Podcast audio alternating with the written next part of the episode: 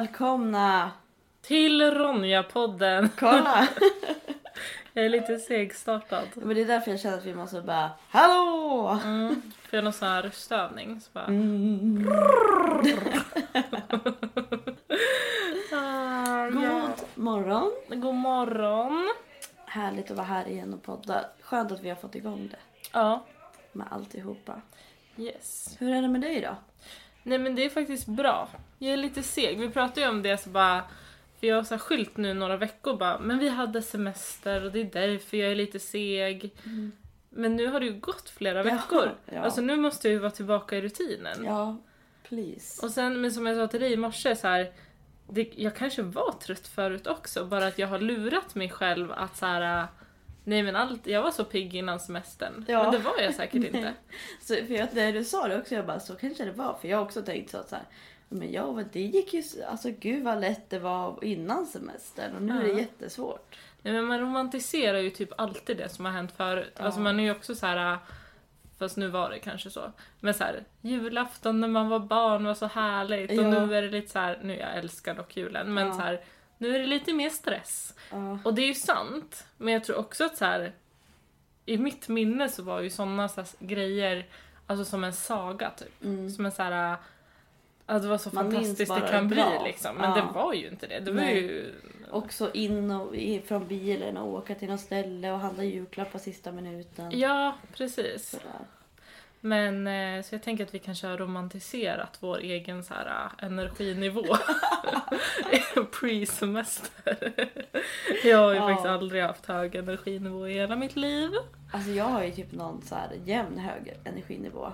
Mm. Men jag har verkligen så att jag är antingen 100% eller 0%.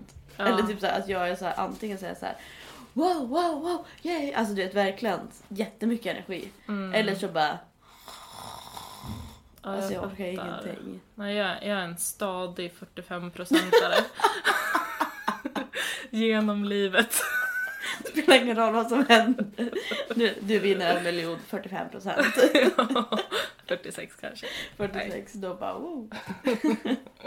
Ja. Men idag tänkte vi prata om någonting som brukar kallas duktiga flicka-syndromet. ja, precis. Och eh, om man aldrig har hört det så är väl en kort beskrivning eh, typ att, ja men som ni hör på ordet, att ofta flickor eller tjejer eller kvinnor eh, få, hamnar i någon slags jag vet inte om jag ska säga fälla, men hamnar i någon slags eh, läge av att hela tiden vilja vara andra till lags.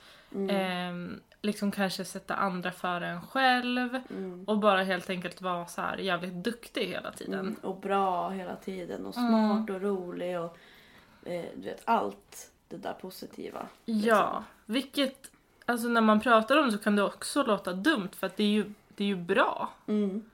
Alltså så här, Ja det Mm. är ju bra men man blir ju trött av att alltid vara bra. Alltid vara sitt liksom bästa jag Ja, på något sätt. precis. För ingen är ju perfekt.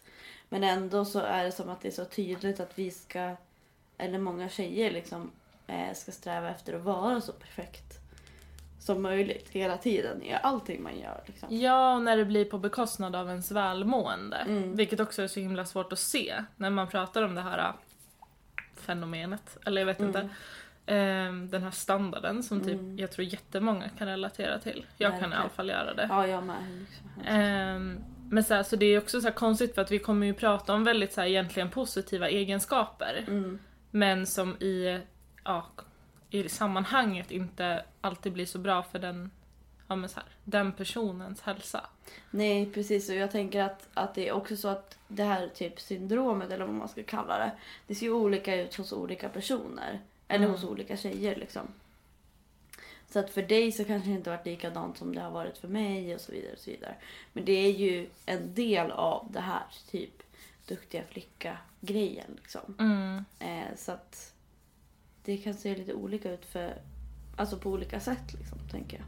Ja. Men när, alltså i din, om vi tänker tillbaka i din så här uppväxt. När började du känna, alltså när hade du typ prestationsångest första gången? Eller har du haft det ens? Det kanske fråga. Eh, Ja, det har jag. Nej, det, jag tror alla har haft det mer eller mindre kanske, men eh, oj. Jag vet att jag alltid nog har... Alltså jag, jag tror inte jag minns kanske första gången jag fick så här prestationsångest, alltså en, en så konkret situation, men jag minns att jag från en väldigt, väldigt ung ålder alltid har varit ganska så här att jag vill bespara folk jobbiga känslor. Mhm. Alltså, och det är faktiskt ganska sjukt, men typ också som när jag var liten att jag kunde typ så här, om jag hade ont någonstans eller Mm. om jag kände mig obekväm så kunde jag i väldigt många sammanhang, alltså redan som säkert så här 5-6-åring inte berätta det. Mm. För typ ja, allt ifrån så här, mina föräldrar till vänner till ja, vem det nu handlar om. För att jag tyckte det var så jobbigt att se när andra blev upprörda Mm. eller ledsna. Vilket är ett helt sjukt stort ansvar för ett litet barn att Ett- ta. Ja, ett litet barn ska ju inte behöva ta det ansvaret egentligen. Ja. Eh, och det är inte så att jag aldrig någonsin så berättat att jag var ledsen, det är klart jag gjorde. Jag var Mm. så jättegnälligt barn också. Men så här, Men det kanske också spär på. Eller förstår du, om man Ja. känner sig som också ett jättegnälligt barn. ja. Tänker jag. Ja, nej men här, jag vet inte om jag kände mig som det, men här, det är klart att jag eh, jag har kunnat berätta för mamma om jag har mått dåligt. Men Ja. att så här, i vissa situationer så vet jag att jag har valt och fortfarande väljer ibland, kommer jag på mig själv med, att vara så här: nej men det här behöver inte, jag behöver inte tynga ner alla andra med det här. Det här Nej. kan jag deala med själv. Mm. Samtidigt som jag nog inte förväntar mig att andra ska bespara mig från sånt. Utan jag vill ju jättegärna vara där för mina nära och kära. Ja, precis. Ja, och det där tänker jag också är en del av vad man får lära sig som ung och liten liksom flicka eller barn. Att liksom bry sig om alltså andras känslor och vårda om andra. Alltså redan i liksom förskolan. Mm. Eh, så, så får man ju liksom lära sig som tjej att man ska ta hand om dockor. Och man ska ta hand om och man ska liksom hålla på med omvårdnad jättemycket. Liksom. Ja, ja. Och att det handlar jättemycket om hur de andra mår. Ehm, och att liksom... Och det tror jag är en jättestor del av det. Och det kommer ju redan där. Liksom. Mm. Av att man ska vara fin. Alltså det är ju ofta man säger till små flickor liksom. Åh vilken fin klänning du har. Och då får ju hon lära sig, som vi pratade om i det här avsnittet med Johanna. Mm. Om det här genusavsnittet. Att så här, åh, ja vad bra, det är bra att vara fin. Det här är bra. Ja Så. men verkligen, vi använder ju väldigt många sådana så här, vad ska man säga, adjektiv, alltså beskrivande ord. Det gör vi ju mot alla barn kanske i och för sig men det blir väldigt mycket fokus på de här orden som ska försöka beskriva eller uppnå någon slags här perfektion till tjejer. Ja, som har någon prestation i sig Mm. på något sätt. Tänker jag också. Typ jag träffade en ett och en halvåring i helgen. Och jag kommer liksom på mig själv för att jag blir så imponerad av massa saker som den här ett och ett halvåringen kan göra. Eller typ kan koppla. Eller du vet såhär. I hu- alltså typ hon tog mina solglasögon och eh, gick till sitt massa gosedjur och satte på dem på gosedjuren liksom. Tyckte jag att det var jättesmart. Jag också lite lätt, jag är ganska imponerad. Lätt Det imponerad. var Jag bara wow! Men så då alltså fick jag verkligen så här, alltså någon gång så råkade jag säga så här, men gud vad duktig du är. Och att så här, jag bara oh, det där ordet vill inte jag använda. Mm. För att det ligger så mycket bara i själva ordet, även om den här ett och ett halvåringen inte vet någonting om det än. Kanske. Men eh, så ligger det så mycket i ordet. Alltså det är så mycket prestationsångest bara i det liksom lilla, lilla ordet. Ja, ja, för också, för det kan ju vara så här ibland svårt att så tänka för att det är också så här när man hör att man är duktig, Mm. då tänker man ju så här, men, eller jag kan tänka, men då har jag ju uppnått det, vad, då, Mm. då är det ju inte negativt att någon säger det. Nej precis. Men tar man det ett steg längre så blir det ju också då att då har ju någon annan kanske satt ribban för mig. Mm, Att, ja men om jag pratar om mig själv då, Nicky är alltid så duktig eller Nicky är Mm. alltid så snäll. mm, Och då blir det att minsta grej jag gör som inte lever upp till det, mm. att man då omedvetet får en rädsla för att liksom det en dag ska hända. Att Mm. men gud nu är inte hon så jävla duktig längre. Nej, Eller hon, nu nu, var hon- inte hon så snäll. Hon är ju alltid snäll, varför var hon inte snäll nu? Ja. Att man misslyckas då i den här rollen man har satt sig in i. ja, och jag tänker det med alltså att vara så här snäll och liksom Alltså så här, om man alltid som du säger får höra men gud du är så himla snäll och så kommer man en dag och bara känner sig ledsen och nere och orkar inte vara så snäll. Eller du vet man bara måste ta hand om sig själv den dagen. Mm. Och då så blir ju det som en jätte stor grej kanske för andra och då känner man sig ett massa skuld, eller så här är det med mig i alla fall. Då får jag massa skuldkänslor och liksom så här bara, åh nej jag ska ju egentligen vara bra. Och nu är jag inte bra. För att jag är så himla trött och jag har inte sovit någonting. Och det gör att jag är dålig och vad innebär det att vara dålig? Och nej, alltså sådär. Mm. Och det är jättedålig liksom, cykel att komma in i. Men verkligen. Men eh, jag måste fråga tillbaka. Mm. När, eh, har- du något så första minne av, eller någon slags så, när du började uppleva eh, någon slags prestationsångest eller någon känsla av duktig flicka? Mm. Alltså jag vet inte, det är också en svår fråga eh, som jag ställde till dig. Men En eh, bra fråga. jag tänkte, jag tänkte, alltså min mamma sa så här eh, när jag var liten. Kommer ihåg att hon sa så här en gång och jag älskar min mamma, det är ingenting med det att göra. Men hon sa så här, ni, eller ja, det var min mormor kanske jag kommer inte ihåg. Så sa så här, åh ni är alltid så duktiga och snälla bland andra människor. Alltså jag och min syster var ju super eh, trevliga och snälla och lugna när vi träffade liksom andra personer. Eh, som inte var liksom familj eller sådär. Så att alla tyckte att vi var helt fantastiska barn och du vet så här. Och då så var det också som att jag fick en, ja alltså jag vet inte. Men alltså typ att jag tänkte så här. Men jaha, oj då. Då betyder det att då är vi snälla och duktiga när vi träffar andra. Och då är det egentligen så man ska vara alltid. Mm. Alltså typ att då kommer jag ihåg att jag fick en så här... Eh, alltså att det var ganska tydligt i mig själv att jag bara var... Eller typ att jag inte förstod vad det betydde. Eh, för att... Och då tror jag att det blev så här, kanske inte en prestationsångest men det, att det alltid... ehm, ja men att jag, det blev så tydligt i mig att jaha, det var en skillnad här. Mm. Alltså jag hade ju betett mig annorlunda för att det är så jag... Alltså så här, man skriker inte på människor som man inte känner. Alltså Ja, sådär. Men att det var så tydligt då att så här, det är en värdering i det. ja. Att sådär. Och det tror jag att jag eh, reagerade på. Och sen har jag haft, alltså för jag har ju inte riktigt haft så här prestationsångest i att vara duktig på liksom, alltså i skolan eller sådär. Det har jag aldrig haft. Men jag har haft en himla prestationsångest med att vara snäll. Alltså det har liksom varit min, snäll och rolig. Och liksom att folk ska tycka om mig. Mm. Det har varit min, alltså jag fortfarande idag så är det verkligen så att om någon, alltså jag tror att jag träffar en människa som inte tycker om mig. Och det är helt... och det är också skittungt. Alltså så här, att jag inte bara kan äga och bara säga ja, alltså jag önskar så mycket att jag också skulle kunna bara, folk får tycka vad de vill om mig, jag bryr mig inte. Ja. Alltså jag blir så imponerad när folk verkligen anammar det. ja. Och så här bara, men för jag, det ligger så mycket prestationsångest i att vara liksom omtyckt och snäll liksom. Ja, och där tänker jag också, för det, jag relaterar jättemycket till det du säger nu. Men det är också egentligen, för jag kan fundera ibland på så här skillnaden då, för att jag värderar att vara snäll och liksom en god människa väldigt högt. Mm. Och det gör jag verkligen med de som jag har runt mig också, så det är ändå en, en ribba jag har ganska hög. Mm. Eh, inte bara för mig själv.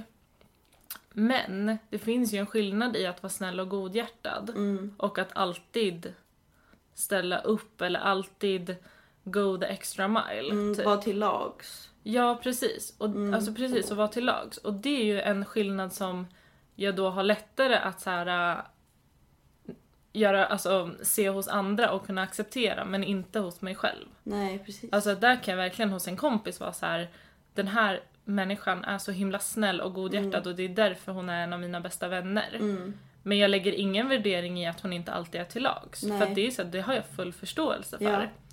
Men hos mig själv har jag jättesvårt att se den skillnaden. Att då kan jag istället känna så här: shit nu kunde inte jag eh, ställa upp på den där grejen. Mm.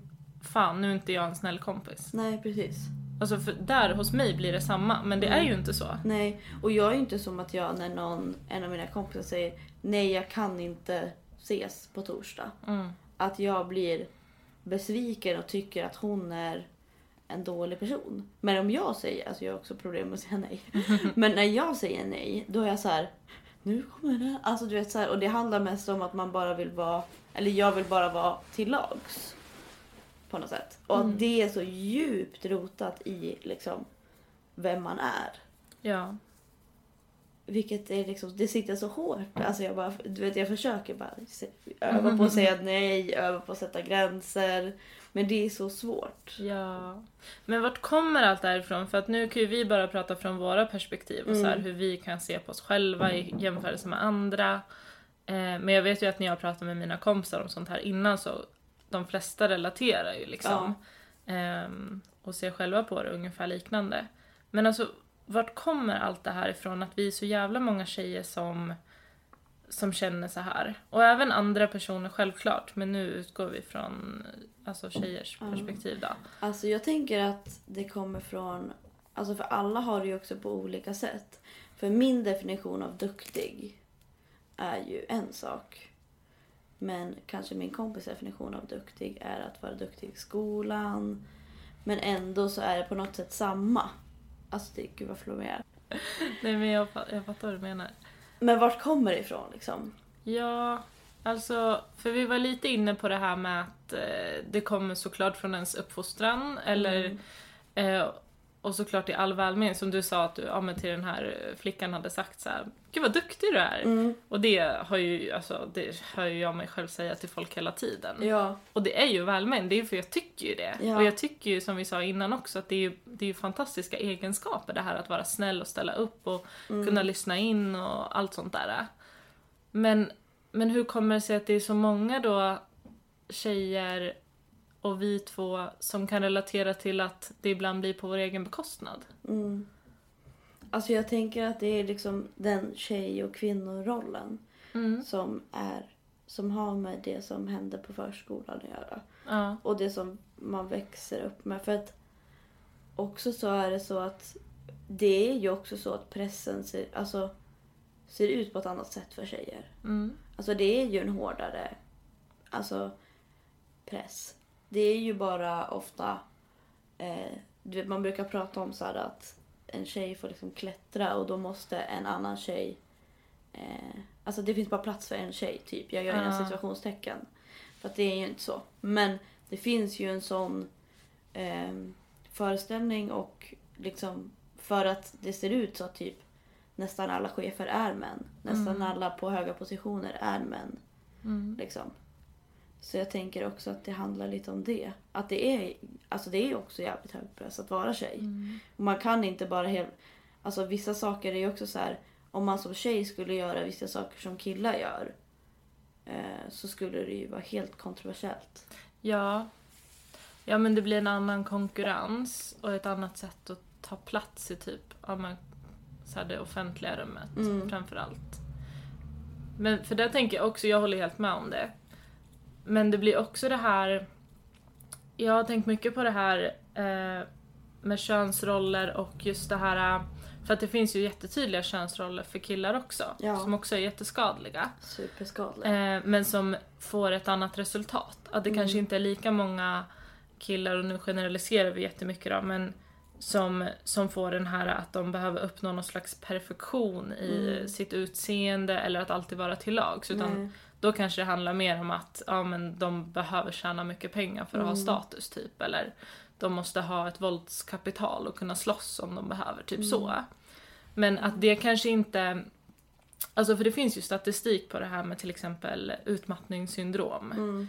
Eh, och så här långa sjukskrivningar med, eh, på grund av psykisk ohälsa. Mm. Och att när det just gäller utmattning och de här stresssjukdomarna Mm. så är ju kvinnor överrepresenterade. Och att det på något sätt då kanske har med just det här omsorgsarbetet som alltså kvinnor alltid hamnar i och förväntas Mm. klara av. Ja, och jag tänker att, jag vet inte vem jag pratade, jag pratade med någon för några veckor sedan om, om det här lite grann. Och då pratade vi också om, eh, det kan ha varit på dig, men, men att Men någon. att eh, det är ju också så att förr i tiden Då var det så att kvinnans arbetsplats när vi hade hemmafruar var hemmet. Mm. Så kvinnan arbetade med omsorgsarbete i hemmet. Mm. Tog hand om alla. Städade, lagade mat. Jag säger liksom inte att det här är bra. Men eh, städade, lagade mat. Tog hand om barn. Köpte kläder. Tog hand om saker i hemmet. Eh, och sen när kvinnor började jobba.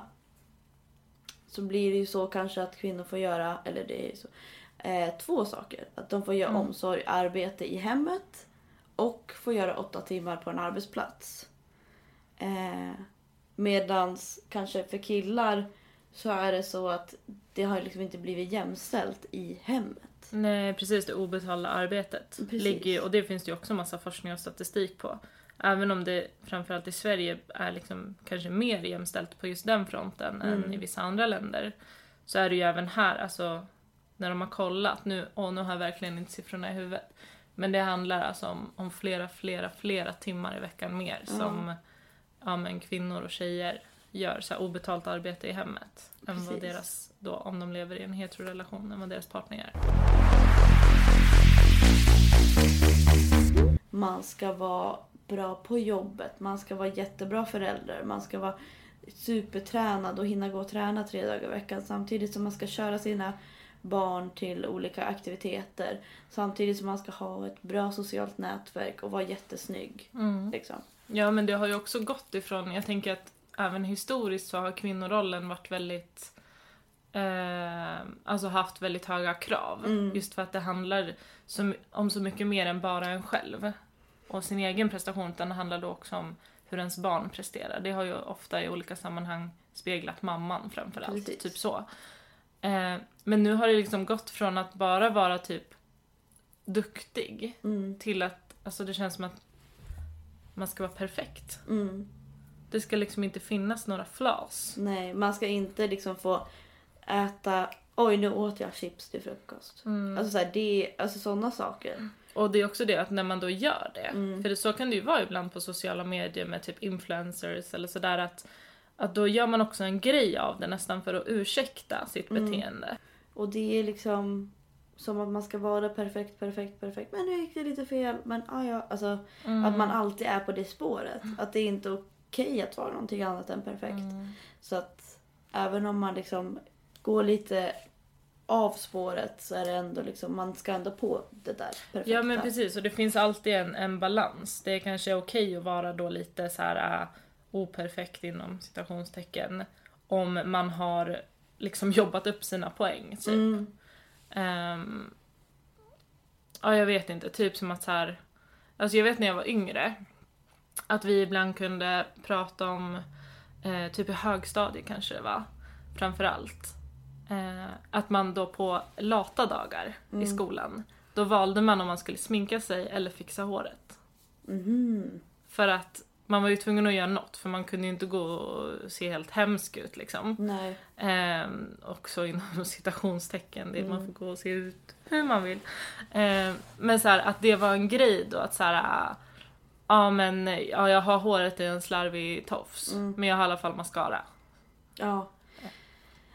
Gud vad mycket press. Och det är så mycket Ja. krav på vad man har för kläder och hur man ser ut och hur rolig man är och hur mycket kompisar man har och hur mycket pengar man har. Och liksom, det, det är så skadligt. Mm. Liksom. Verkligen. Och att det faktiskt blir, alltså nästan som i så här, jämställdhetens namn, svårare för kvinnor. Mm. För att nu kan det ju också vara så när man pratar om jämställdhet och kvinnorollen att man ibland också ehm, så generellt kanske ser ner på om någon, om en kvinna till exempel inte jobbar och bara är Mm. hemma och tar hand om barnen. Precis. Eh, för det har vi ju lärt oss att det är förtryckande mot kvinnor, Ja. att kvinnor bara är hemma och tar hand om barnen. Men då typ skuldbelägger vi kvinnan som gör det. Ja. För att hon inte jobbar, för hon har ju faktiskt möjlighet att jobba. Ja. Sen personligen så tycker jag för mig att det är väldigt så här empowering att jobba och tjäna mina egna pengar. ja. För det är inte alla som har möjlighet till det, det är inte alla som liksom kan göra Nej, det och det är inte alla som tycker det och vissa tycker också att det där arbetet, alltså det arbetet som görs hemma är så stort. Att det är liksom inte... Och det är ju ett Det, stort alltså, arbete. det är så stort Ja. liksom. Men så det blir så här, det blir på oavsett vad man tycker Mm. så blir det ju ändå fel att skuldbelägga tjejen eller kvinnan som gör det. Ja. För att, alltså, då, ja, för samtidigt accepterar vi ju ofta så här helhjärtat att en kvinna, att det går skitbra för henne på jobbet, Mm. men vi orkar inte ens tänka på hur mycket hon jobbar hemma. Nej. Att det tar vi som en självklarhet. Men det borde vi nästan inte göra utan ja, coolt de som klarar det utan att må dåligt av det men det är ju så många som gör det. Ja, och vi kan inte... Så då är det ju ett problem. Och den standarden kan liksom inte vara våran standardmodell. Alltså så här, att kvinnorollen är så snäv och liksom svår att passa in i. Och liksom man kan må så himla dåligt av att försöka passa in i den. Mm. Och våga synliggöra att så här, nu, det är jättejobbigt att jobba hemma, ta hand om relationen och liksom städa hemma och diska Mm. hemma. Och att vara snygg samtidigt. Mm. Och att samtidigt vara rolig och snäll. Mm. Och samtidigt ha jättemycket kompisar. Mm. Liksom. Och pengar. Ja, Alltså det är helt omöjligt att leva upp till det. ja, för att den då som vi ser som perfekta kvinnan i dagens Sverige då säger vi. Mm. Det är ju en, en som har eh, som har en perfekt så här, barnuppfostran, som har koll på Mm. det om hon har barn. Eh, som har en partner med en fantastisk relation, Mm. vilket vi vet att det ofta är kvinnor som tar ansvar för, så Ja. det emotionella arbetet. Men som också det går superbra på jobbet Mm. och som tar hand om sitt utseende. Alltså det är så här, det är allt, det är hela Mm. paketet. Medans vi pratar ju absolut inte lika mycket om om liksom hela paketet när det gäller män då. Nej. Utan då är det ju mer, vi är fortfarande kvar i att eh, ja men vi kanske förväntar oss att en, en man ändå ska tjäna pengar. Mm. Och vi, vi tycker det är ganska härligt om det finns några snygga bilder på med Instagram med sitt barn. För att det är ju Mm. alltid mysigt att se en man. Men det är Visa liksom lite de kärlek till sitt ramarna barn, typ. som, alltså du vet såhär. Att de är så lö, alltså lösare ramar och lösare liksom former för män. Att kunna vara vilka de vill vara på något sätt. Ja. Alltså så här, och göra misstag. Det är ju någonting som inte har funnits plats för i liksom, att vara den här duktiga flickan och duktig tjej. Liksom. Mm. Att det finns ingen plats för att göra misstag. Mm. Och det är någonting som jag har fått liksom jobba på jättemycket. Mm. Att så här, eh, våga försöka och våga göra misstag och våga göra fel. För att det har känts så himla jobbigt att göra fel.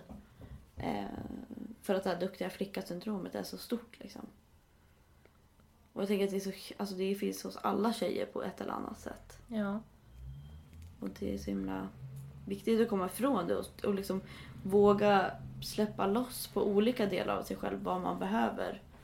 Liksom. Ja, men verkligen. Och det är ju och det är det, för det är, vi, alltså, vi har ju, det är som att vi lever i, en, i ett systemfel typ. Mm. Att det är liksom, det är ju hela systemet som är fel. Mm. Och då är det så himla omöjligt att passa in på ett bra sätt utan att ja, men helt enkelt ta ut sig för mycket. Mm. Men samtidigt så blir man ju jättestraffad om man inte tar ut sig och passar in. Så att det är, det, det är liksom omöjligt i den konstruktionen vi har av samhället idag att, att verkligen må bra Och vara samtidigt, accepterad. Ja, precis, och bli accepterad. Som tjej framförallt. Ja. Jag, alltså jag kollade lite på så här duktiga flicka och jag hittade här tre kännetecken på en duktig flicka. Mm. Och jag tänker att det kanske summerar vad vi har pratat om eller så kanske kommer på nya grejer. Första grejen är en duktig flicka sätter andras behov framför sina egna. Mm. Mm. Ja. Jag tänker att det var det vi pratade om. Ja. Att liksom... Man kanske inte ens har haft typ så här... Det är många tjejer också som inte ens har haft möjlighet att så här, vad är mina behov? Ja, ja. Att så här, inte ens kunna tänka på vad har man själv för behov. Mm. Och det känner jag också att det har kommit så ganska sent för mig. Bara, "Hm, vad vill jag? En duktig flicka mäter sitt egenvärde i sina prestationer. Ja, den kan jag skriva under på. Mm. Vad sorgligt. Jättesorgligt. Och det är det som är också med att eh, misslyckas. Mm. Att det också blir en, liksom, att det blir ju då jättesvårt. Och då är det jättesvårt att vara modig. Mm. Eh, en duktig flicka måste ta sig över ribban med större marginal än andra. Mm. Alltså, jag tänker att det betyder liksom... Jag tänker att det speglar den här perfektionen vi pratade om.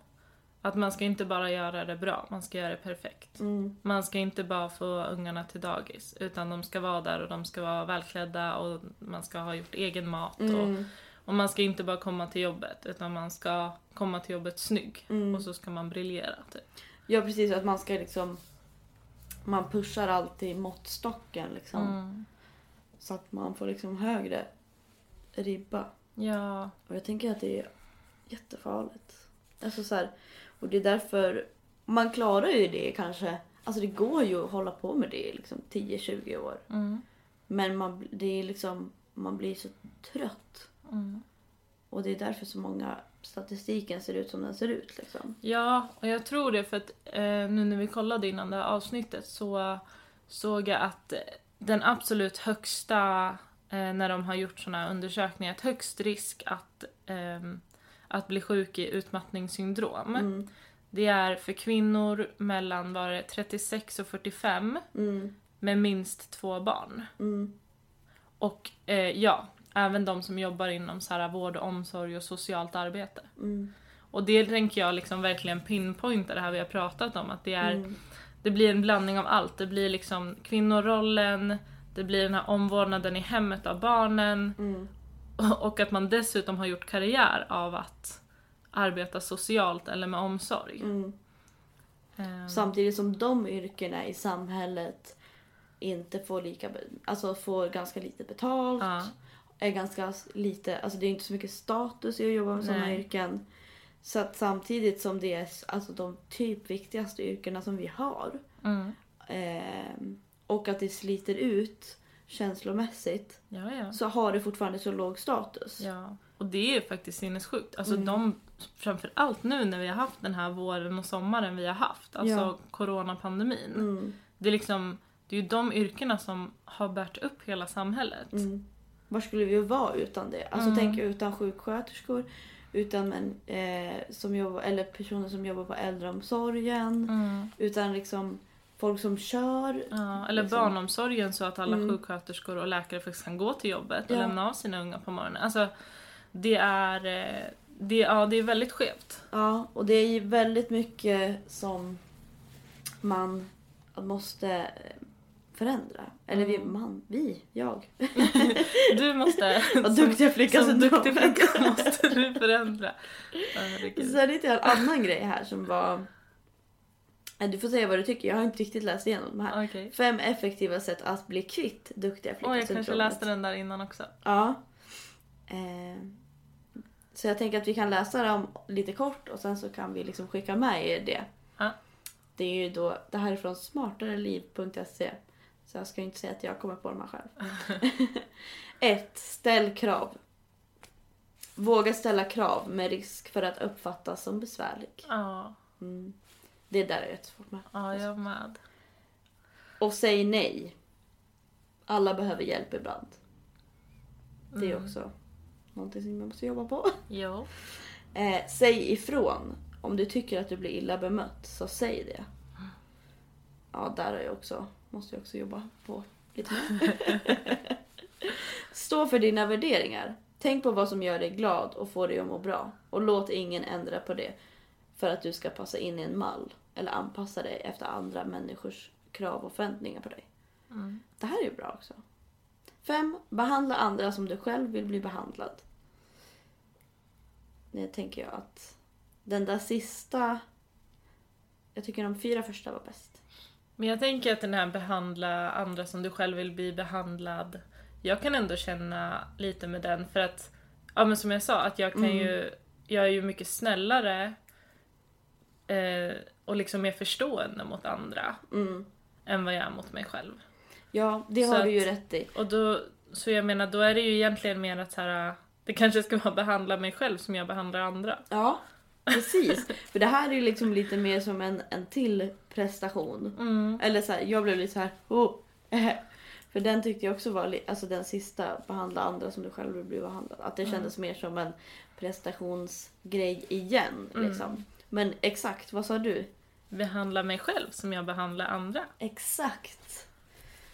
Men eh, jag tänker att det är det vi har för idag. Mm. Och gud vad roligt det är att podda. Ja. Och glöm inte att ratea podden. ni kommer tröttna på mig som säger det. Men snälla, och dela den om ni tyckte det var ett bra avsnitt. Och skriv till oss på Instagram, där heter vi Tjejjouren Ronja. Mm. Maila oss om vi, ni har några fråge, frågor. Mm. Vår mail står vår Instagram, den är allt för lång för att säga Ja. här i podden.